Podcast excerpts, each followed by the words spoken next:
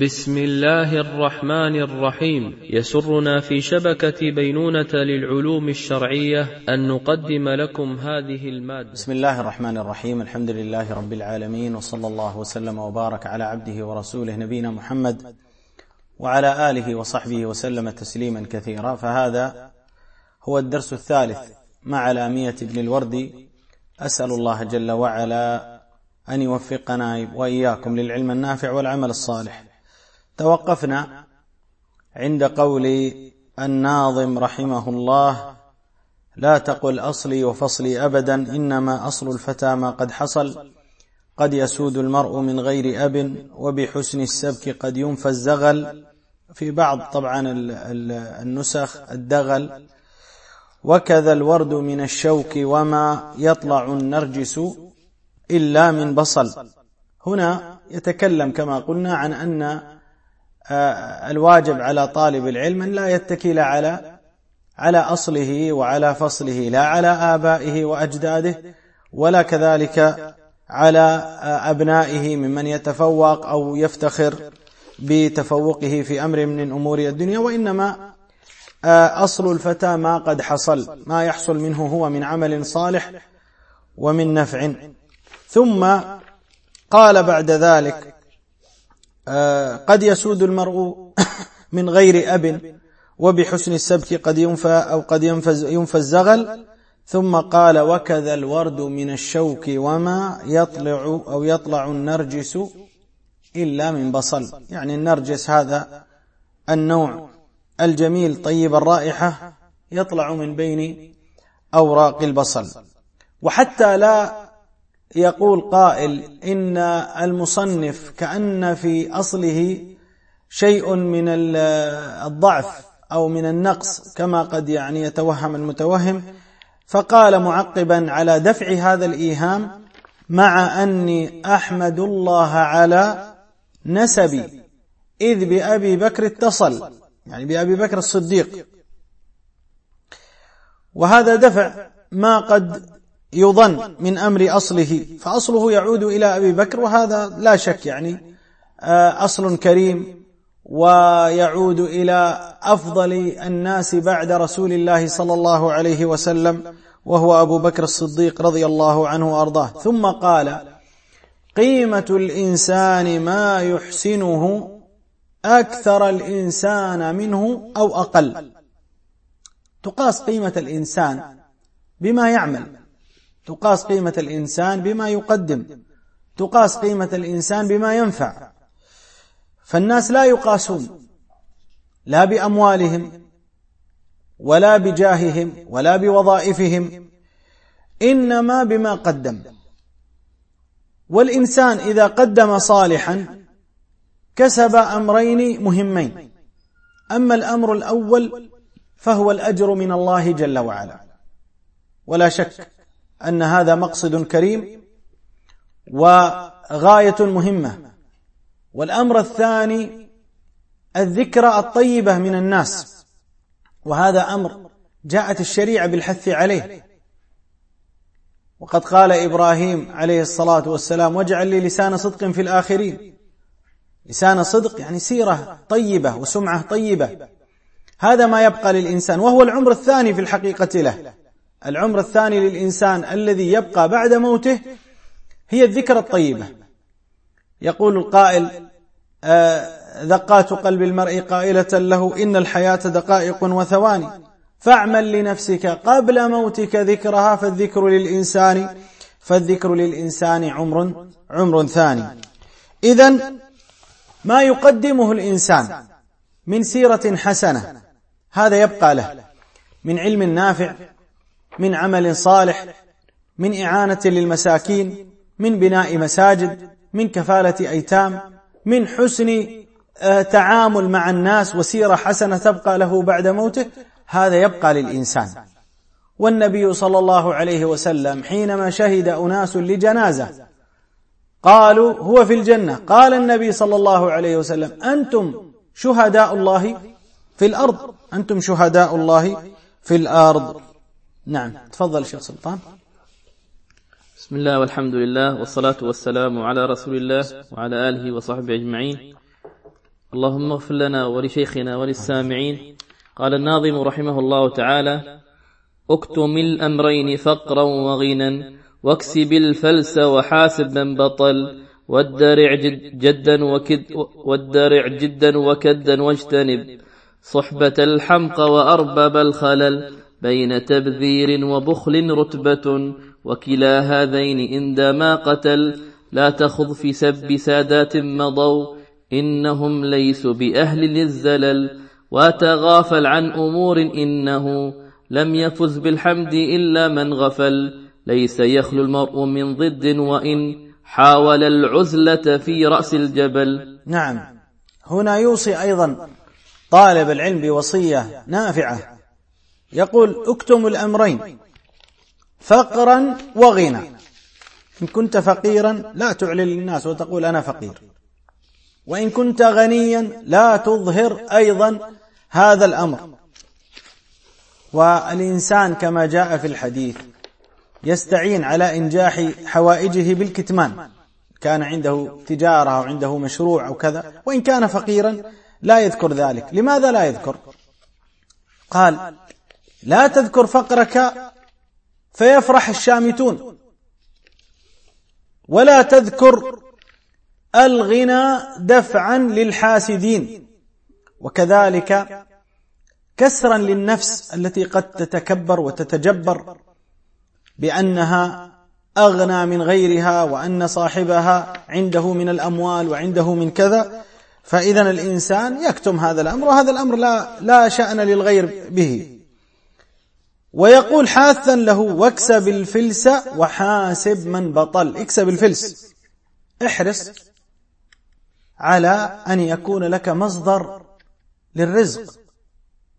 وهذا من بذل السبب في تجارة أو في وظيفة أو في شراكة أو في نحو ذلك. المقصود من ذلك أن يكون للإنسان ولا سيما طالب العلم ما يكفيه ولا يتكل على غيره ولا ينتظر أن يعطيه غيره. بل يبذل السبب في ذلك ويستعن بالله سبحانه وتعالى فيه. وحاسب من بطل أي أنكر على من يسلك مسلك البطالة ترك العمل. ويتكفف الناس هذا يعطيه وهذا يمنعه. هذا ليس بسلوك صحيح. الذي يتكفف الناس ويسأل الناس يأتي يوم القيامة وليس في في وجهه مزعه لحم. ما فيه لحم في وجهه. لماذا؟ لأنه بذل وقدم حاجته بين يدي الناس. والله جل وعلا قال وقال ربكم ادعوني أستجب لكم. تطلب حاجتك من الله جل وعلا وتبذل السبب. الله يغضب إن تركت سؤاله وبني آدم حين يسأل يغضب. الناس يغضبون. فلذلك لا ينبغي للإنسان أن يذل نفسه. بل يصبر. حتى إن أصابه شيء من الجوع أو من الفقر وهو قادر. لم يصل إلى مرتبة الضرورة أو مرتبة الحاجة الملحة. فيصبر على ما قضاه الله جل وعلا عليه. وإن أحتاج إلى شيء فالله جل وعلا أباح له الدين. لكن لا يكثر من ذلك ولا يورط نفسه فيما فيما هو مزعج له في ليله ومقلق له في نهاره. قال بعد ذلك والدرع جدا وكدا واجتنب صحبة الحمقى وأرباب الخلل. وصايا عظيمة. يقول الدرع يعني إلبس الدرع. معنى ذلك الاجتهاد. قال والدرع جدا أي اجتهد وكدا أي احرص على الجد والكد في تحصيل أمرك من المنافع أو في تحصيل أمور الآخرة من العلم الشرعي ومن العمل ومن العمل به وهو العمل النافع. قال واجتنب صحبة الحمقى وأرباب الخلل صحبة الحمقى. من هو الأحمق؟ يقول أهل العلم الأحمق مأخوذ من حمقة السوق يعني كسدت. فكان كساد العقل والرأي صفة لهذا الرجل. الأحمق ناقص العقل. وهو ضعيف التصرف. وقد قيل عداوة العاقل أقل ضررا من صداقة الأحمق. عداوة العاقل العاقل إن عاداك فإنك تأمن معه كثيرا من الضرر. والأحمق إن صادقك كان صديقا لك فإن ضرره أعظم من عداوة هذا العاقل. وقد قيل لكل داء دواء يستطب به إلا الحماقة أعيت من يداويها. الحمق فساد في العقل فساد في الرأي. وقد قال بعض أهل العلم أنه سجية لا تتغير ولا ينفع فيه التأديب. خلل مصاحب لصاحبه في عقله.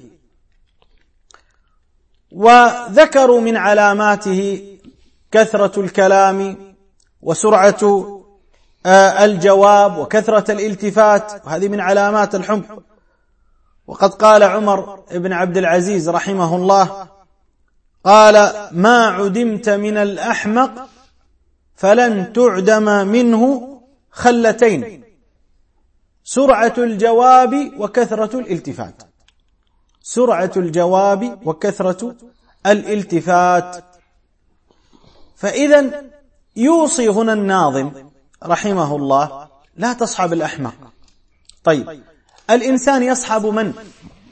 يصحب من ينتفع منه ولا سيما في أمر دينه من العلم النافع القدوة الحسنة الفائدة. من يؤثر في أخلاقك؟ إن نسيت ذكرك إن ذكرت أعانك إن غفلت نبهك. يعينك على أمر دينك ينصحك يوجهك يرشدك. تجد في مجالسته تغييرا عما كان قبل مجالسته. فيتغير حالك إلى حال أحسن. هذا أثر المجالسة.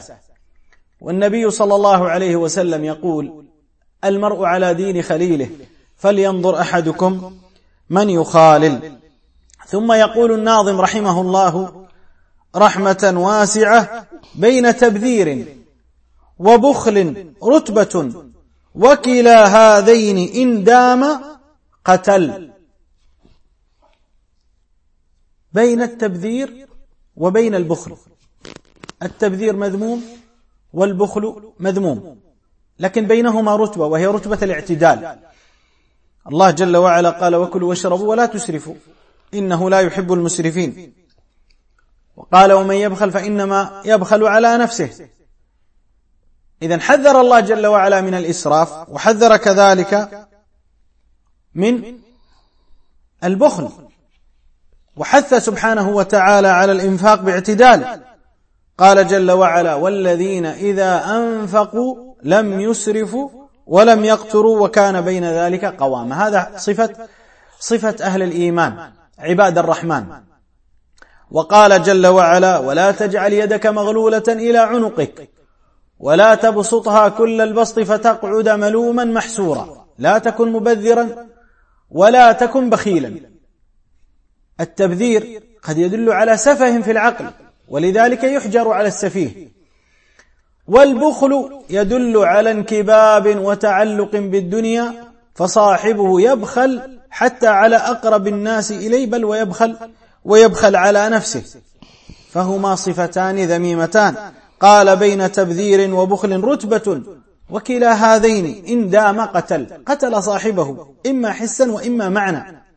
قد يبخل الإنسان على نفسه حتى في علاجه في دواه لا يشتريه وعنده المقدرة. وقد يبذر ويكون هذا التبذير أيضا قد يكون سببا لفقره أو لذهاب ماله أو لطمع الناس فيه. فاذا يكون الإنسان في حال في حال اعتدال كلا طرفي قصد الأمور ذميم. ثم قال وهو ينبه على مسألة عظيمة وهي من الآداب العظيمة التي ينبغي على طالب العلم أن يتحلى بها. يقول لا تخض في سب سادات مضوا. إنهم ليسوا بأهل للزلل. وتغافل عن أمور إنه لم يفز بالحمد إلا من غفل. نصيحة غالية. لا تخض في سب سادات مضوا. رأس هؤلاء السادة هم الصحابة رضي الله عنهم وأرضاهم. لا يذكر إلا بالجميل. ومن ذكرهم بسوء فهو على غير السبيل. الله جل وعلا أثنى عليهم. هذا يدل على عظم منزلتهم. والنبي صلى الله عليه وسلم أثنى عليهم.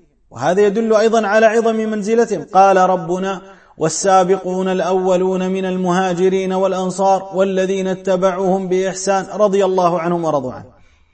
والنبي عليه الصلاة والسلام قال خير الناس قرني ثم الذين يلونهم ثم الذين يلونهم. وعندما ذكر الفرقة الناجية قال هي مثل ما أنا عليه اليوم وأصحابي. وقال لا تسبوا أصحابي. إذا أثنى الله عليهم وأثنى عليهم النبي صلى الله عليه وسلم. وثالثا هم حملة الشريعة. الذين نقلوا لنا الدين. عذبا نقيا كما سمعوه من رسول الله صلى الله عليه وسلم. لم يبدلوا ولم يحرفوا ولم تحدث فيهم بدعة. ورابعا أنهم شهدوا التنزيل وحضروا الوقائع مع النبي صلى الله عليه وسلم وجاهدوا في الله حق جهاده. وخامسا أن الله جل وعلا أمرنا باتباعهم.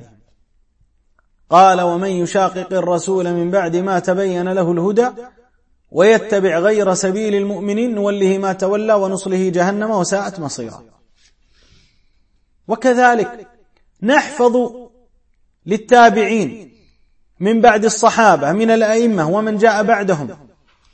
نحفظ لهم مكانتهم ونعرف لهم قدرهم وننزلهم منزلتهم. لا يذكرون إلا بالجميل. ومن ذكرهم بسوء فهو على غير السبيل. نحرص على هذا الأمر. لأن من من استهان بالعلماء ذهبت آخرته كما قال السلف. فينبغي للإنسان أن يعرف قدر أولئك العلماء الذين نحن الآن نتفيأ في ظلال هذه العلوم التي ورثوها لنا. ولولا أن الله جل وعلا هيأهم ما كنا ربما في هذه المجالس. نقلوا لنا العلوم نقلوا لنا حديث النبي صلى الله عليه وسلم. قيدوا لنا أصول العلم وكتبوا في فروعه. وجاءتنا كتبهم من أكثر من ألف سنة. ونحن نقرأ في كتبهم ونستزيد علما من موروثهم. فلهم فضل.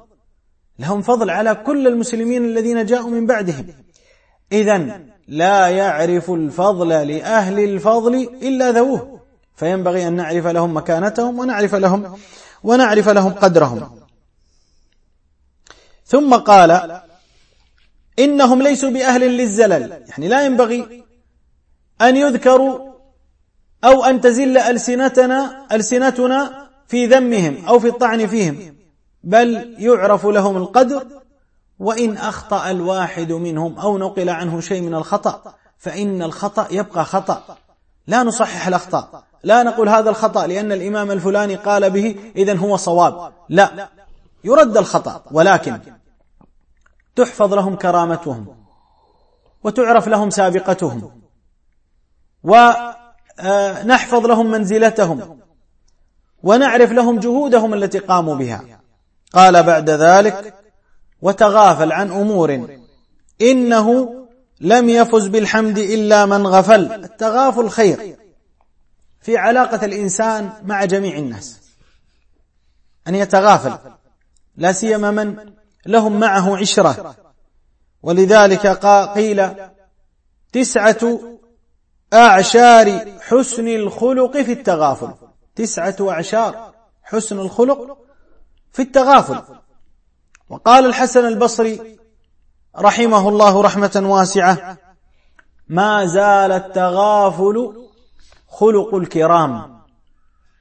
ما زال التغافل خلق الكرام. لا تقف عند كل هنة.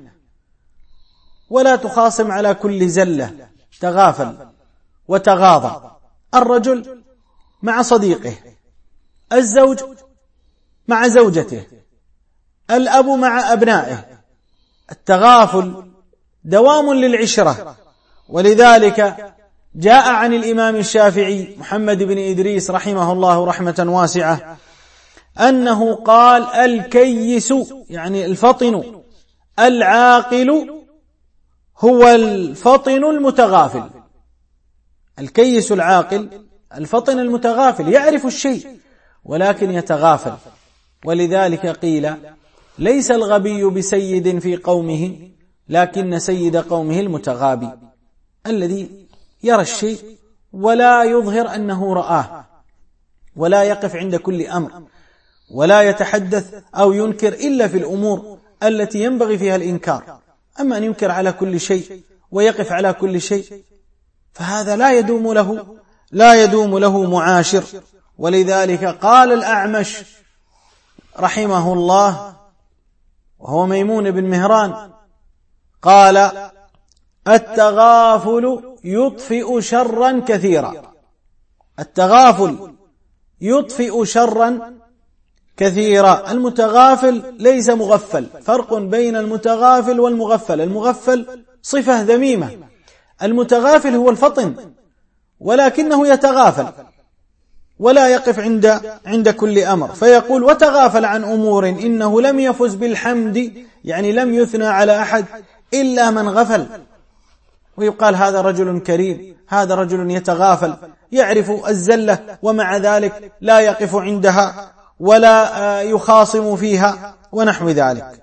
ثم قال ليس يخلو المرء من ضد وإن حاول العزلة في رأس جبل. لا يخلو الإنسان من حاسد ولا يخلو الإنسان من حاقد. ولا يخلو الإنسان من متتبع للزلة أو مجمع للعثرة لا يكاد يخلو الإنسان أبدا. كل إنسان ناجح كل إنسان له نفع. كل رجل صالح كل امرأة صالحة. لا بد أن يجد له عداوة. ولو لم يكن لها سبب. الناس في بعض أحوالهم وفي بعض طبائعهم يستعدون الآخرين. يحسد غيره يحقد على غيره يتتبع الزلة يفرح بزلة أخيه. وهذه والله من العجائب. حتى لو كان هذا الإنسان عدوا لك. لا تفرح أن يزل. لا تفرح أن تظهر منه الخطيئة. سل الله السلامة لك وله. وإن أخطأ فإنه على نفسه. المقصود بذلك أنك لا تفرح أن الله جل وعلا يعصى أو أن النبي عليه الصلاة والسلام يخالف هديه. بل ابذل النصح وابذل الستر. ومن ستر مسلما في الدنيا ستره الله في الآخرة. وعلى العكس من ذلك من تتبع عورة مسلم تتبع الله عورته. ومن تتبع الله عورته فضح ولو في جوف رحله أو في جوف بيته كما في الحديث. إذا الذي ينبغي على الإنسان أن يحرص عليه أن لا يكترث بالحاسد الحاقد فإن هذا حال كثير من الناس وإنما يسأل الله جل وعلا العون على دفع الشرور. فمن الناس من يفرح بزلتك ومن الناس من يبحث عنها لكن الله جل وعلا بإذنه سبحانه وتعالى يدفع عنك كيدهم ويستر عنهم عيبك سبحانه وتعالى. كيف يدفع الإنسان شر الناس؟ يستعيذ بالله جل وعلا من شرهم. يستعيذ بالله من شر الناس. من شر كل ناصية هو آخذ. من شر كل ناصية هو سبحانه وتعالى آخذ بها. ويحرص على بذل الأسباب التي تبعده عن الشرور ويسأل الله جل وعلا كف الشر. كذلك لا يجاهر كما قال المؤلف سابقا رحمه الله لا يجاهر بفقر ولا بغنى وعساه أن يسلم. وعساه أن يسلم. قال ليس يخلو المرء من ضد وإن حاول العزلة في رأس جبل. لو أنك في رأس جبل لقالوا ما الذي ذهب به إلى رأس الجبل؟ هذا ربما يخفي كنزا أو هذا ربما عنده من البلاء أو لا يتركوك ابدا. هذا حال الناس. والنبي عليه الصلاة والسلام يقول في الحديث الحسن من حسن إسلام المرء تركه ما لا ما لا يعنيه نعم تفضل. من لعن النمام وازجره فما بلغ المكروه إلا من نقل. دار جار السوء بالصبر وإن لم تجد صبرا فما أحلى النقل. جانب السلطان واحذر بطشه. لا تعاند من إذا قال فعل. لا تل الحكم وإنهم سألوا. رغبة فيك وخالف من عذل. إن نصف الناس أعداء لمن ولي الأحكام. هذا إن عدل. فهو كالمحبوس عن لذاته وكلا كفيه في الحشر تغل. إن للنقص والاستثقال في لفظة القاضي لوعظا ومثل. نعم. ثم ينصح الناظم رحمه الله طالب العلم بهذا الأدب النافع. قال مل عن النمام ابتعد عنه من الميلان. النمام. الذي ينقل الكلام بين الناس على سبيل الإفساد. ما أعظم شره. وما أخطره. وما أسوأ فعله. كفانا الله شروره. يقول مل عن النمام. هذا الذي ينقل هذا الكلام بينك وبين غيرك. يفسد بين الناس. ويفعل هذا النمام ما لا يفعله الساحر. من الإفساد والتفرقة. وهذه والله مصيبة عظيمة. ولا سيما من يفرق بين الصلات الواجبة.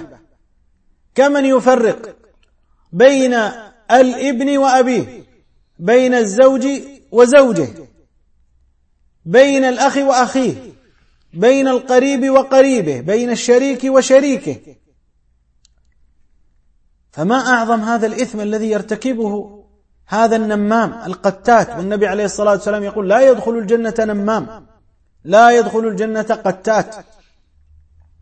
والله جل وعلا قال ولا تطع كل حلاف مهين هماز مشاء بنميم.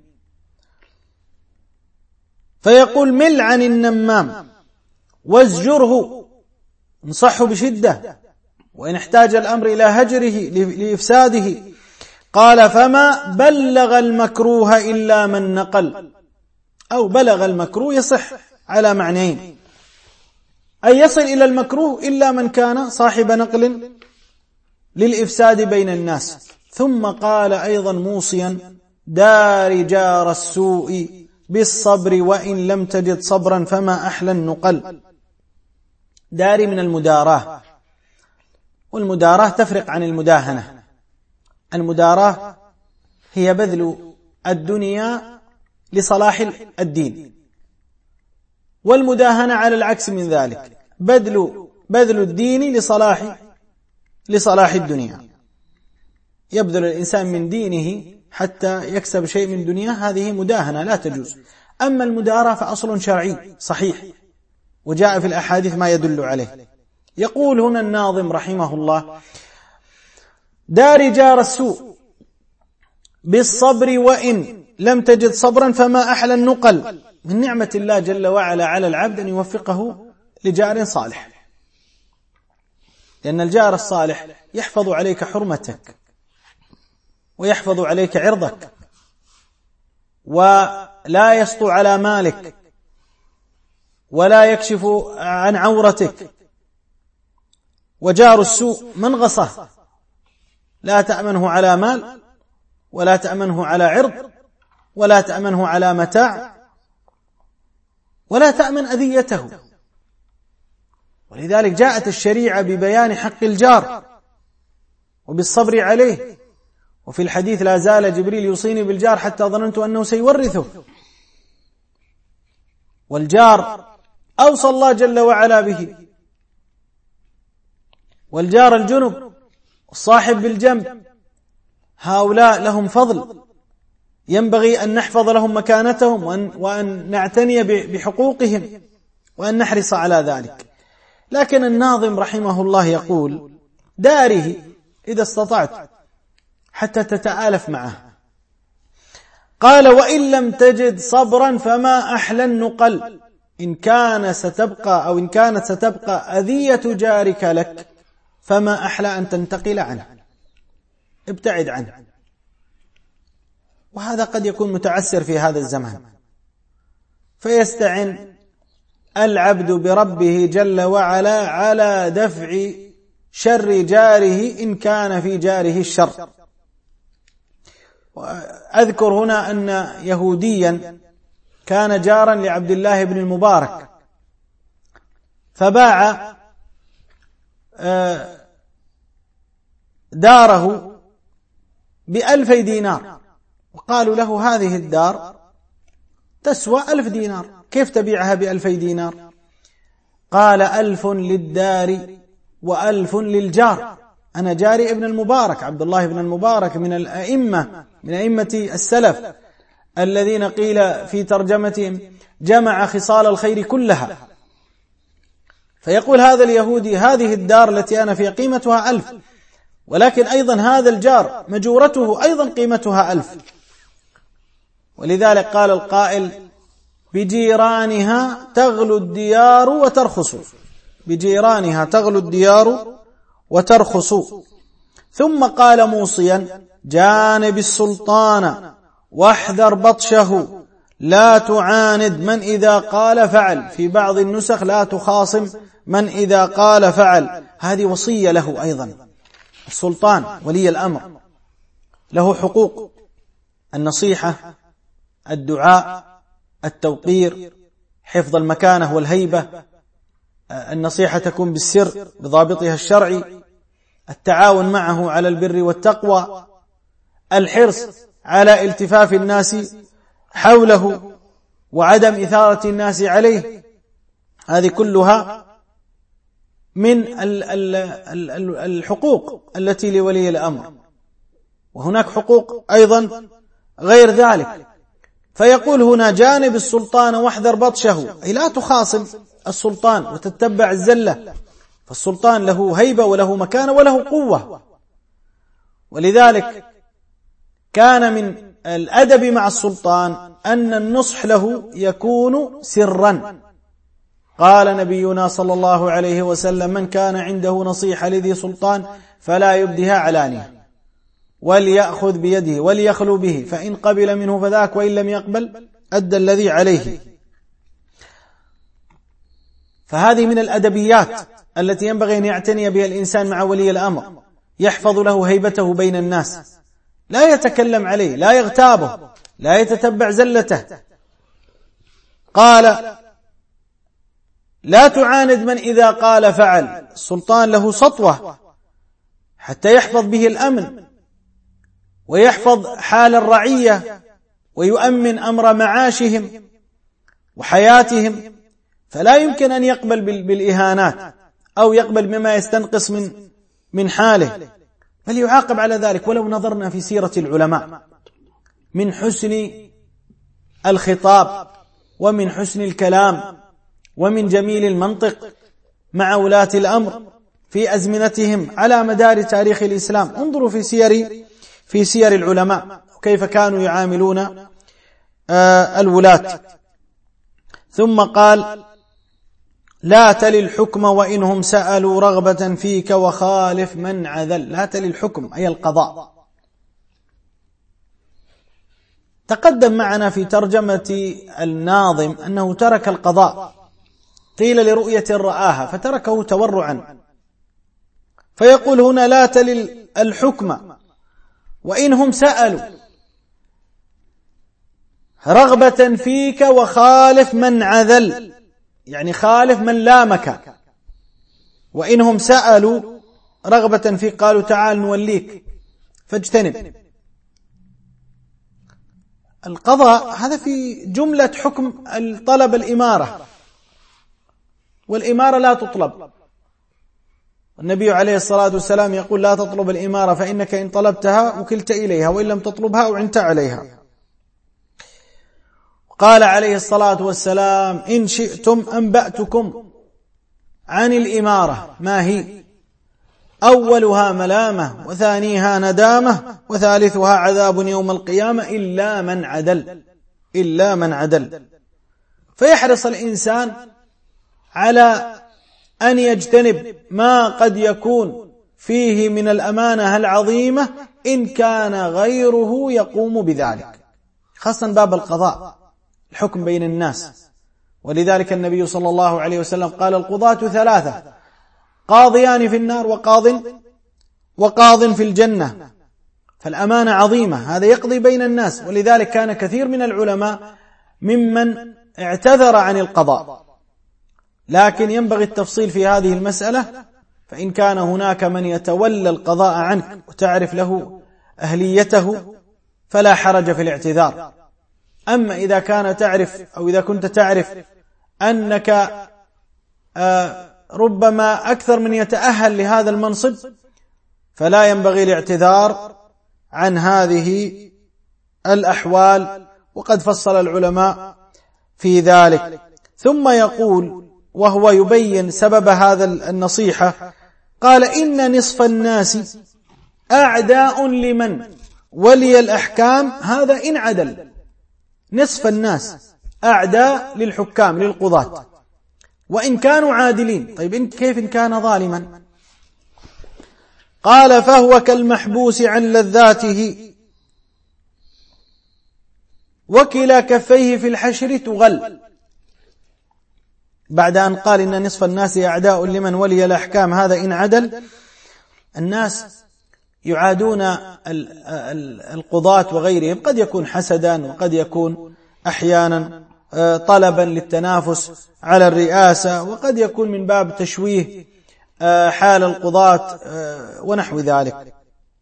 فيقول فهو أي القاضي هذا؟ كالمحبوس عن لذاته. لا يستطيع أن أن يفعل ما يفعله الناس لأنه صاحب منصب. لا يستطيع أن يخالط الناس كثيرا. لا يستطيع أن يقضي أموره كبقية الناس لأنه في منصب عظيم. ينبغي له أن يتحرز وأن ينتبه وأن لا يكون حاله كحال غيره. قال هذا حاله في الدنيا. قال وكلا كفيه في الحشر تغل. يعني إن سلك مسلكا غير عادل إن قبل الرشوة فإنها تغل. يعني من من الغلول والمعنى ذلك أنها تغل في النار عياذا بالله. ثم قال إن للنقص والاستثقال في لفظة القاضي لوعظا ومثل. هنا نكتة لطيفة لغوية. يقول لفظة القاضي هذا اسم منقوص. لماذا اسم منقوص؟ أو ما هو الاسم المنقوص؟ هو الاسم المعرب الذي آخره يا مكسور ما قبلها. القاضي فالضاد مكسور وختم بالياء فهذا اسم منقوص. يقول إن للنقص أي المنقوص في لفظة القاضي والاستثقال إذا ما جاء يعرب. فإذا قيل مثلا في حال الرفع أو في حال الجر آه، بحركة مقدرة ما الذي يمنع من ظهورها؟ آه، الثقل. يمنع من ظهورها الثقل. يقول هو اسم منقوص. والحركة فيه يمنع من ظهورها الثقل. فيكفيك عظة وعبرة في اللفظ. فضلا عن أن تتولى هذا المنصب. طبعا هذه يعني ربما مناسبة آه، لغوية تحذيرية من هذا اللفظ. نعم. تفضل. لا توازي لذة الحكم بما ذاقه الشخص إذا الشخص عزل فالولايات وإن طابت لمن؟ ذاقها فالسم في ذاك العسل. نصب المنصب أوها جسدي وعناء من مدارة السفل. نعم. ثم يقول هنا لا توازي لذة الحكم بما ذاقه الشخص إذا الشخص انعزل. ليست هناك مقارنة. الحكم له لذة. له مكانة.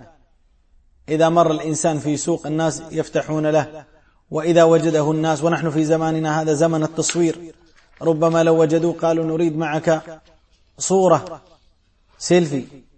فهذه الحال يعني فيها لذة لكن يقول هو لا توازي لذة الحكم بما ذاقه الشخص إذا الشخص انعزل.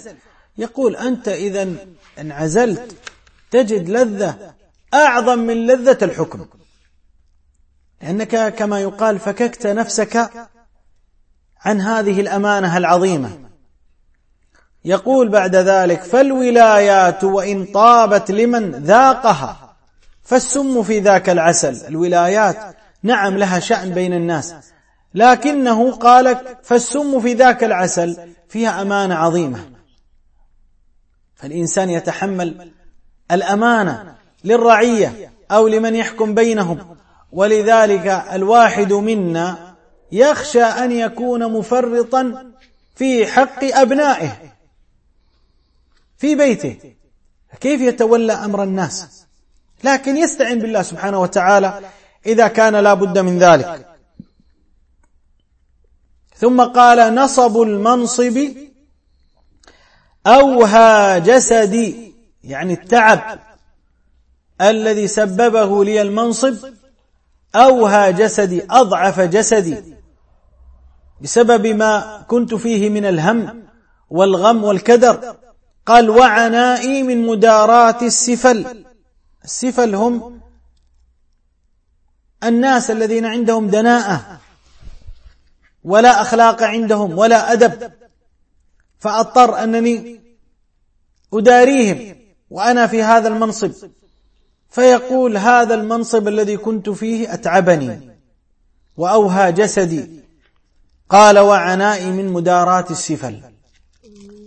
هذه طبعا من الآثار والأضرار التي يحصلها من كان قاضيا. لكن ينبغي لمن وجد فيه أهلية وطلب منه هذا الأمر وهو مستعين بالله جل وعلا في العدل والحكم بين الناس. فيتقدم لهذا المنصب ويقبل به ويحرص على الاستعانة بالله سبحانه وتعالى وعلى الصبر والاجتهاد وهو مأجور في كل ما يفعل في ذلك. ولعله بإذن الله جل وعلا أن يكون من الذين قال النبي صلى الله عليه وسلم فيهم وقاض وقاض في الجنة. وهذه قاعدة فيما يتعلق بالمناصب الدينية أن الإنسان لا يعتذر إذا تعين عليه الأمر أو لم يكن هناك من يقوم بهذا الأمر غيره. وقد فصل في هذه المسألة آه العلامة الشوكاني رحمه الله رحمة واسعة في في آه نهاية الطلب. فنقف على هذا إن شاء الله. وأسأل الله جل وعلا لي ولكم التوفيق والسداد والهدى والرشاد وصلى الله على نبينا محمد وعلى آله وصحبه وسلم تسليما كثيرا وآخر دعوانا أن الحمد لله رب العالمين. للاستماع إلى الدروس المباشرة والمسجلة والمزيد من الصوتيات يرجى زيارة شبكة بينونة للعلوم الشرعية على الرابط بينونة دوت نت وجزاكم الله خيرا.